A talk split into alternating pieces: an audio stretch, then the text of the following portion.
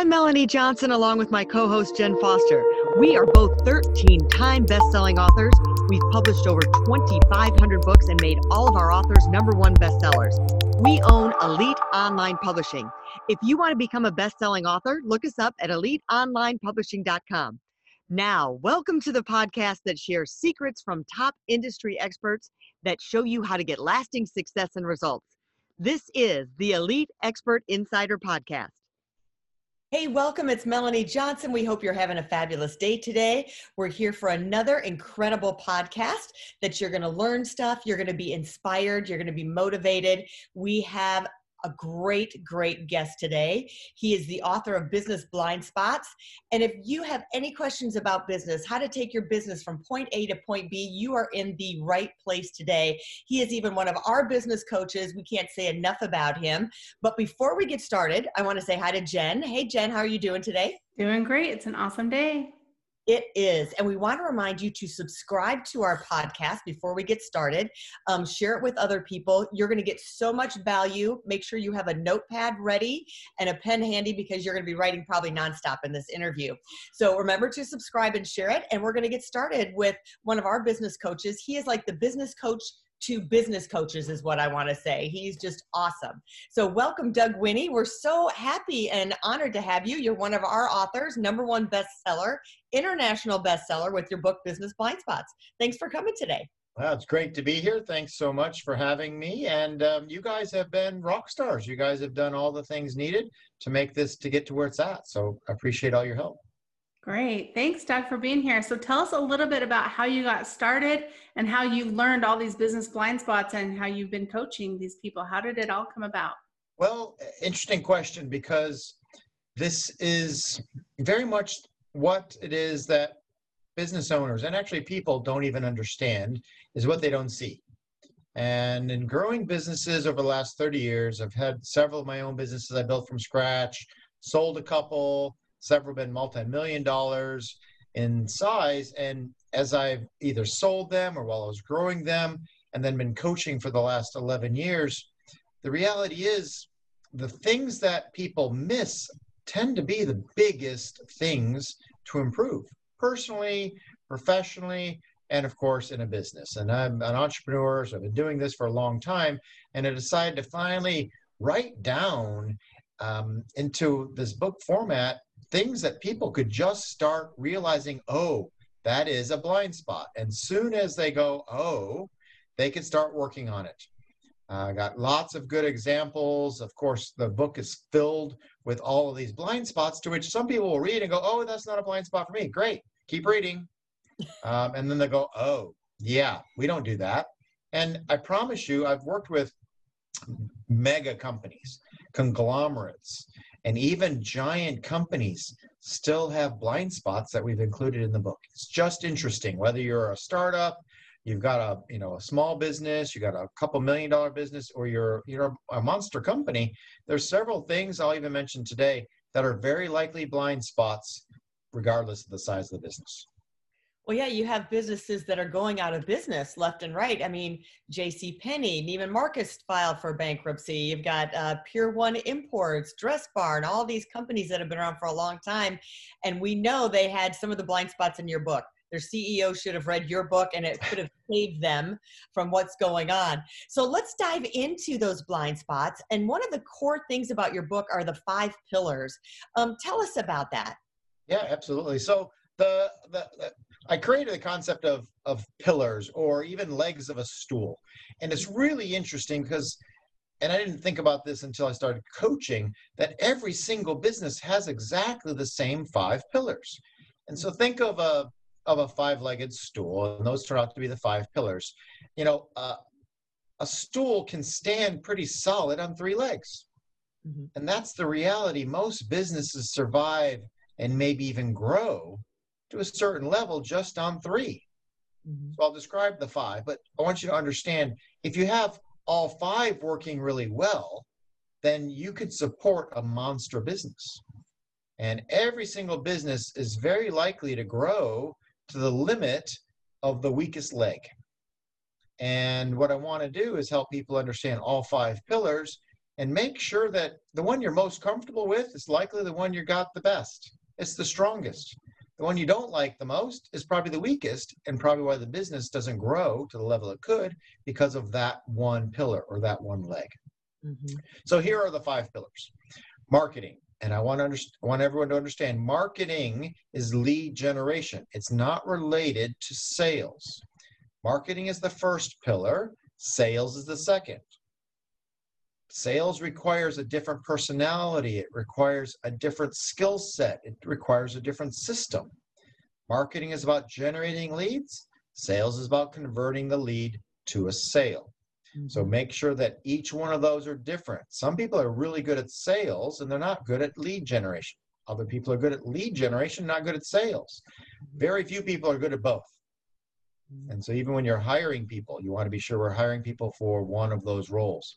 Now, once we have done the lead generation, we converted the lead into a sale. Now we must do something. So the third pillar is operations. And this is where many people are really good for example, you guys, awesome at publishing, awesome at getting stuff done, right? But you might not be good at your own marketing, right? As just like lawyers, lawyers, their operations side, they're really good at being a lawyer. A dentist, really good at being a dentist, but not good at maybe marketing and sales. So operations is what most business owners tend to be good at. Um, and there's a lot of areas inside of operations. The third pillar is operations. Fourth pillar, is actually money, finance, counting the beans, right? Profitability, margins, um, where every dollar, what part of every dollar goes to what part of the business. So finance is an area that I've discovered a lot of business owners aren't very good at. And if they are good at finance, they're usually horrible, absolutely horrible at the fifth and final pillar, and that's team. Right? So we got marketing, get leads, sales, convert a lead, operations, turn the sale into something for the client, uh, finance, make money, understand where the money's going, and then use the team to leverage the business and the growth. So those are the five pillars that are very well defined in the book, Business Blind Spots.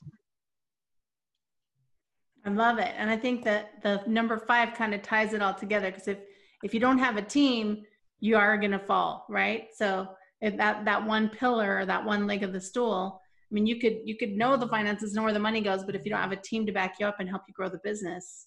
Yeah, uh, think about uh, you know we want to say one of the things I teach uh, from Action Coach um, is that uh, Brad Sugars says that a the definition of a successful business is a commercial profitable enterprise that runs without you. And so people get burned out because they're wearing all the hats. They're wearing the finance hat or not wearing it much. Um, they're getting the leads, they're converting the leads through sales, they're doing the work. They don't have a team, right? And a lot of people think that a team means money, costs, right? Money going out, right? So I love to say, well, what is the profit per employee? What's the revenue per employee? Help business owners think differently about team. It's not um, a cost center. Team members need to be a profit center, even if it's just an assistant. You make, well, they don't make me money. Well, if you use an assistant properly, then you're out selling or producing things more instead of doing paperwork that the assistant would be doing. So, yes, assistant can be a revenue source, a profit source. That's a great way to look at it. I think most people don't look at it. They look at it as outgo. There's no ROI necessarily on the team. What are you finding with the environment today as being the biggest hurdle for a lot of companies? A lot of them are having to pivot. Are you seeing some kind of common thread that you teach in your book, Business Blind Spots, that you're saying over and over again more recently? Yep.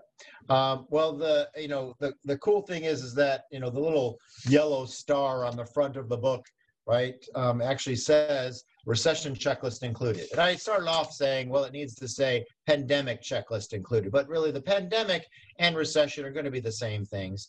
Um, and the only thing that I'd say is different today than you know before pandemic is that I'll say, uh, how do I say this without being too blunt? Maybe I can't. Business owners have been lazy.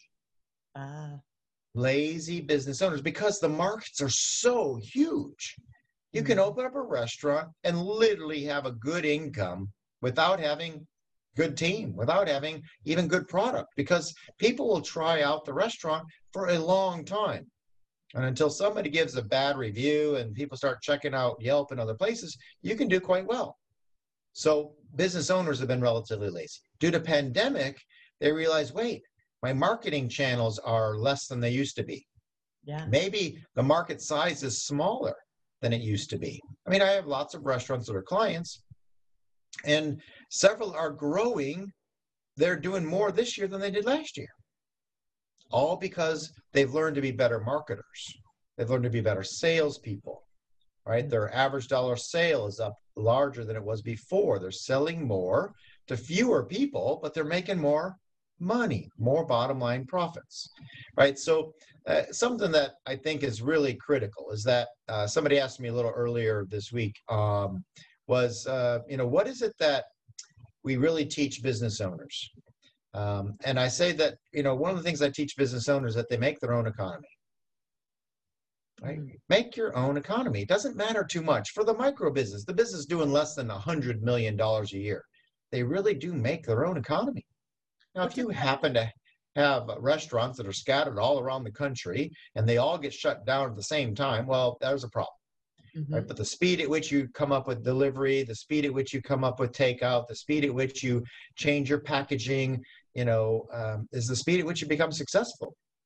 And then when the pandemic is over and you're back to full time restauranteering and people are dining in, there's still people be doing carryout. Your business can literally double or even more because you figure out how to pivot, come up with a delivery model. Um, so the big thing is uh, make your own economy. Yeah, I love I love that. And the way you said, you know, you you really do have to pivot or adjust. It's that operations. You you you think you have it down and then a pandemic happens and you have to pivot or adjust the way that you do your marketing or your operations in order to get the more people or the less people in where they are buying more stuff. Yeah, I mean, i i every every local economy has a something dramatic. Here in Houston, we have hurricanes, right? In the West Coast, they have uh, earthquakes and now fires. Sadly, uh, you know, the uh, East and up North has big snowstorms. Everybody has something, right? It's your ability to understand the problem, and I like to say they're not roadblocks; they're speed bumps. Go over, go around, or go through but don't let it be a wall that prevents you from moving forward. Yeah. Talk to us a little bit about key performance indicators. You you address this in the book Business Blind Spots, and we found this to be so useful in our business. Um, and and it's painful because we have to go through them all the time. Yeah, yeah, definitely. Well, you know, this is, I'll just mention uh, a couple because they're actually blind spots. So, a key performance indicator or KPI um, in, in business is a critical element. Now, big businesses tend to do it well, but sometimes they don't teach it well. They're doing the measurement, but they're not actually teaching how the measurement is beneficial in a business. So, um, here's a very simple one a KPI related to marketing. It's a blind spot, and it's the cost per lead. Mhm. Like, how much money do you put into marketing? Divide by all of the leads, and you get a good KPI, cost per lead. I mentioned something else earlier: average dollar sale. What is your average dollar sale? Right? These are critical KPIs. Uh, profit per employee. All you know, all are critical key performance indicators, and every role in every business, so the employees' jobs should have uh, maybe a half a dozen KPIs to help make sure we're managing and measuring important things in the business. Yeah, so KPIs are critical to the number side of things. And once again, people's behavior patterns tend to like or dislike numbers, just like some people dislike people, right? And so it's okay. Still have to get done, whether you do it or somebody else does it. And once again, if you don't have um, a big enough business, it's still required. You may go, but I don't like doing that. I'm going to have to hire somebody to do that. Well, if you're not making enough profits, you can't hire somebody. But if you don't do the math, you don't understand the KPIs that grow your business, then you can hire somebody. So yeah, you got to do it even if you don't like it.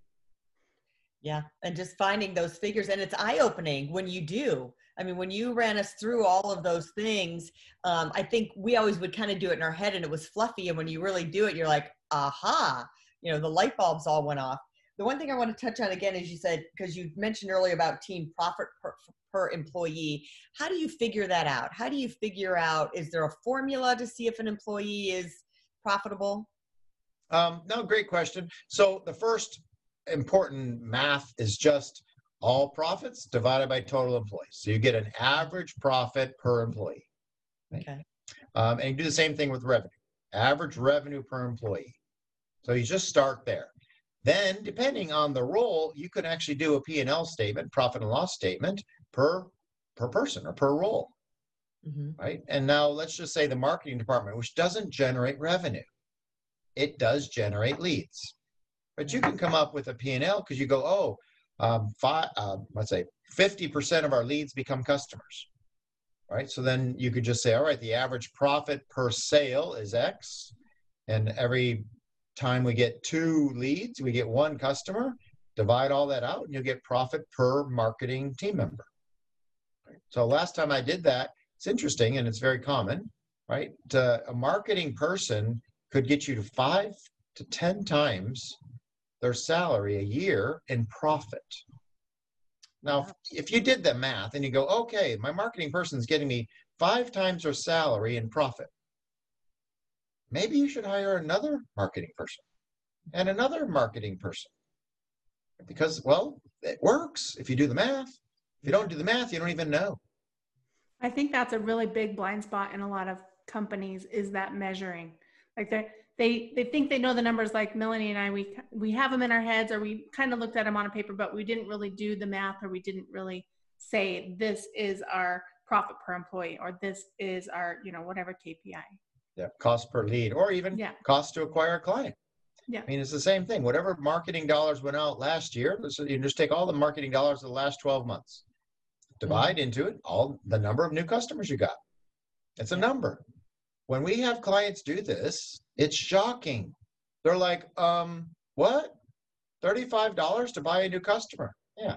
What's your average profit per sale? And they go $75. So you're putting out $30, $35 to get $75. Is that okay? They're like, yeah. So then the then then then the realization, the aha is I need to do more marketing. I'm like, yes, you need to do more marketing. And that KPI, that measurement should be done monthly, not quarterly, not mm. annually. It needs to be done monthly. Yep. Like I said, it can be painful if you've never done it before, but the pain, it's the it hurts so good. it's good ahas. Yeah, absolutely good, ahas. ahas. Yeah. Yeah. And then talk about mindset. That's so important to get over the hurdle. I remember one of the first growth clubs I went to, and I asked it was um, a couple that I asked. I said, "Well, do you think this is worth it? I mean, have you gotten a benefit from it?" And the one person was like, "I just kept fighting it. I didn't want to agree with what they were saying. Like, it, like, do we really have to do that?" And it said, once I got past that, it was like, "Oh my gosh, it really works." Oh, you know, I just just and everyone I asked at Growth Club, I must ask five different people. It was unanimous. Just do what they tell you to do. Don't fight it. We fought it, and then once we stopped fighting it, it works. So, Mhm. talk to us about mindset in business and overcoming those hurdles and getting your mind going in the right place.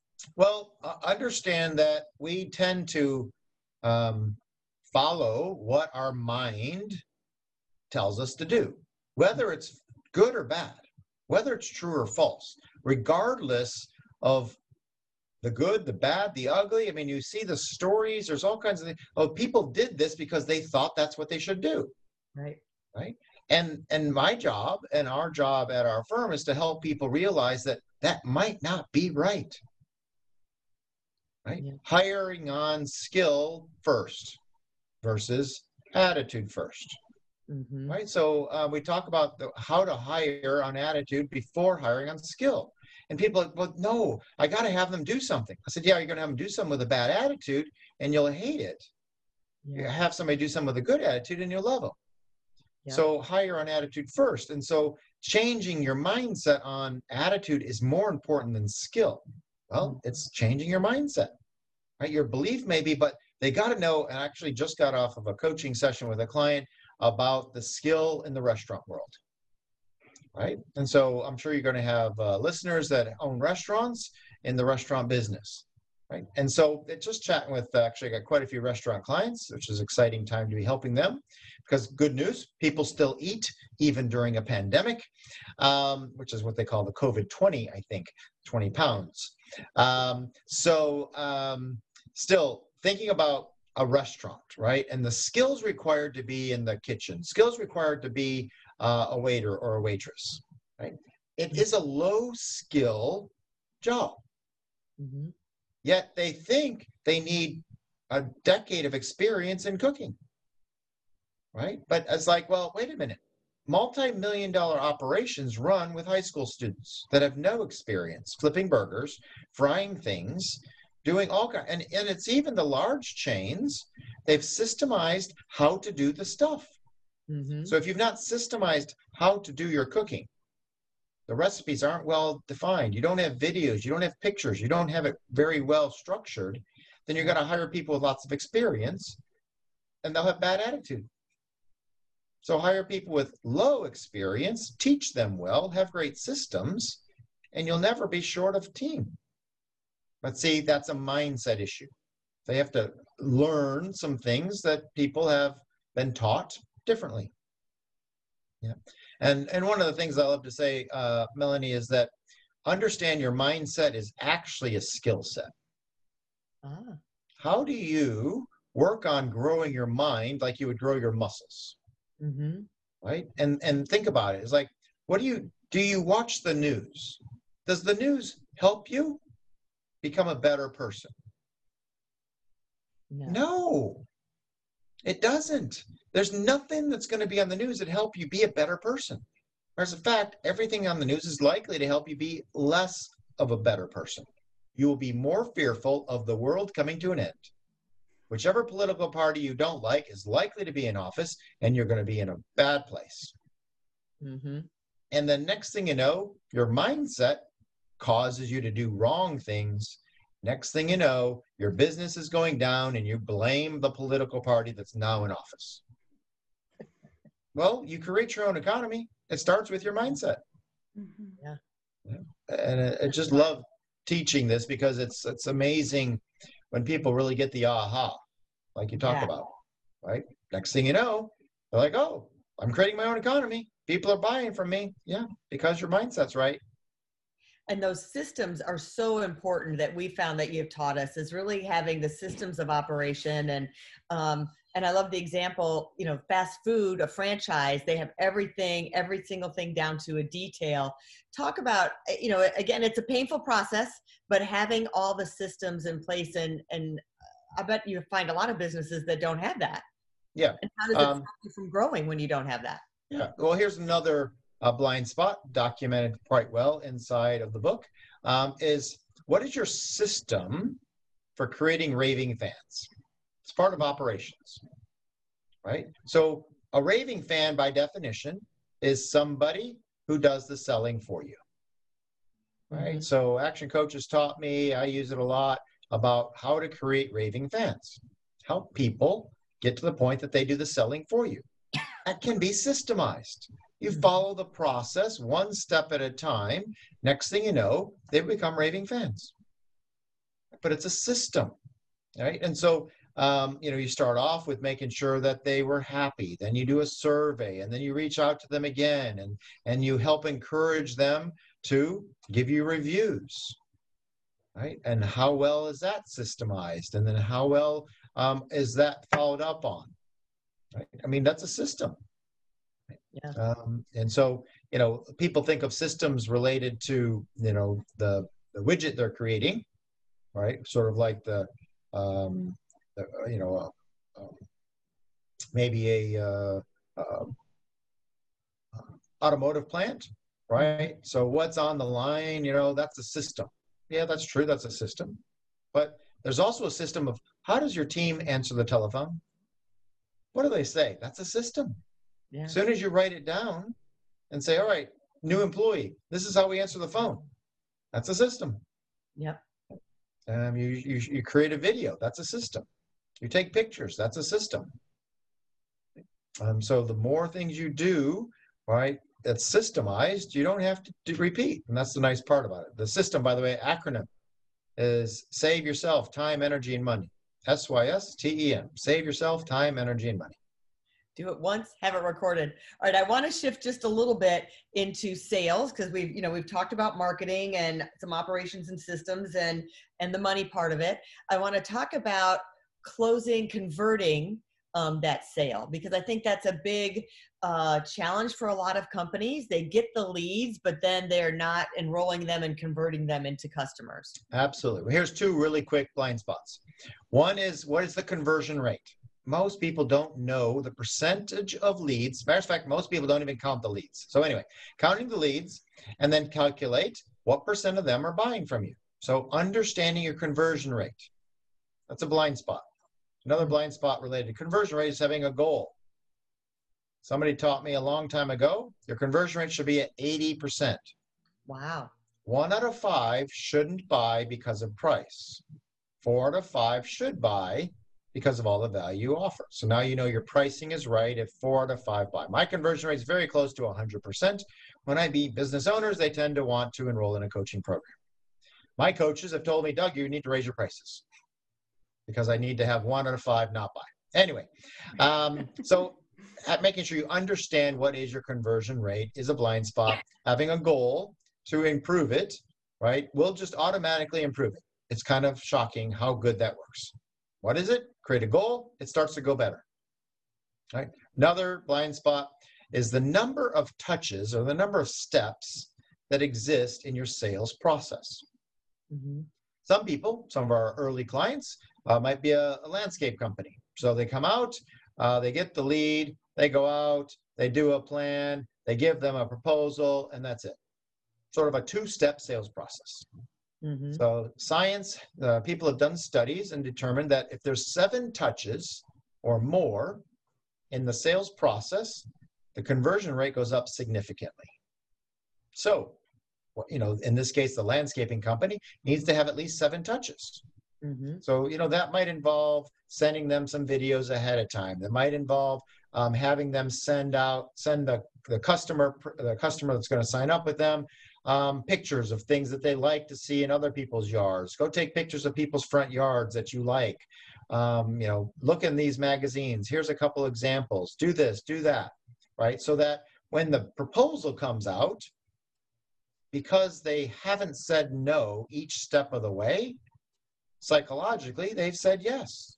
Hmm. And so it's interesting when someone has said not no or yes seven times, when that proposal comes out, it's not a big deal.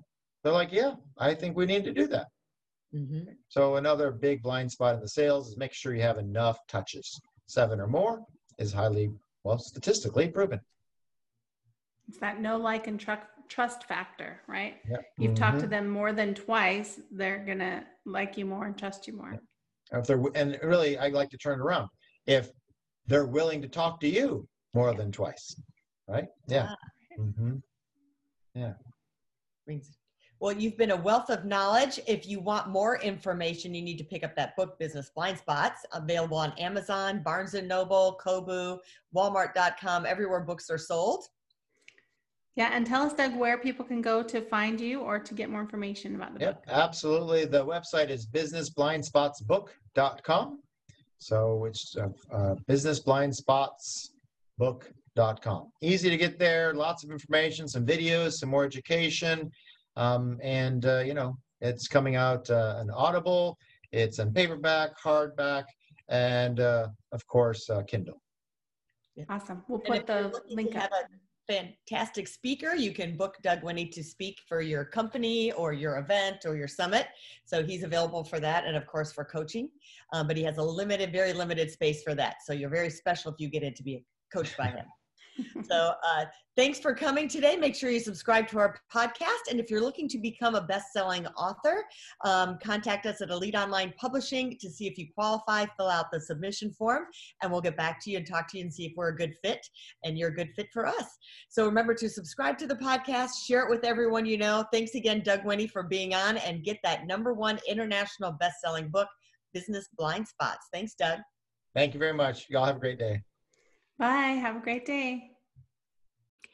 Hey, are you looking to increase your revenue, build credibility, and elevate your brand? This podcast is brought to you by Elite Online Publishing, an innovative publishing and full spectrum marketing company. They will publish and market your book to make it a number one bestseller. Becoming an author is the best way to market your business. So contact them at eliteonlinepublishing.com today. All of their authors become number one bestsellers.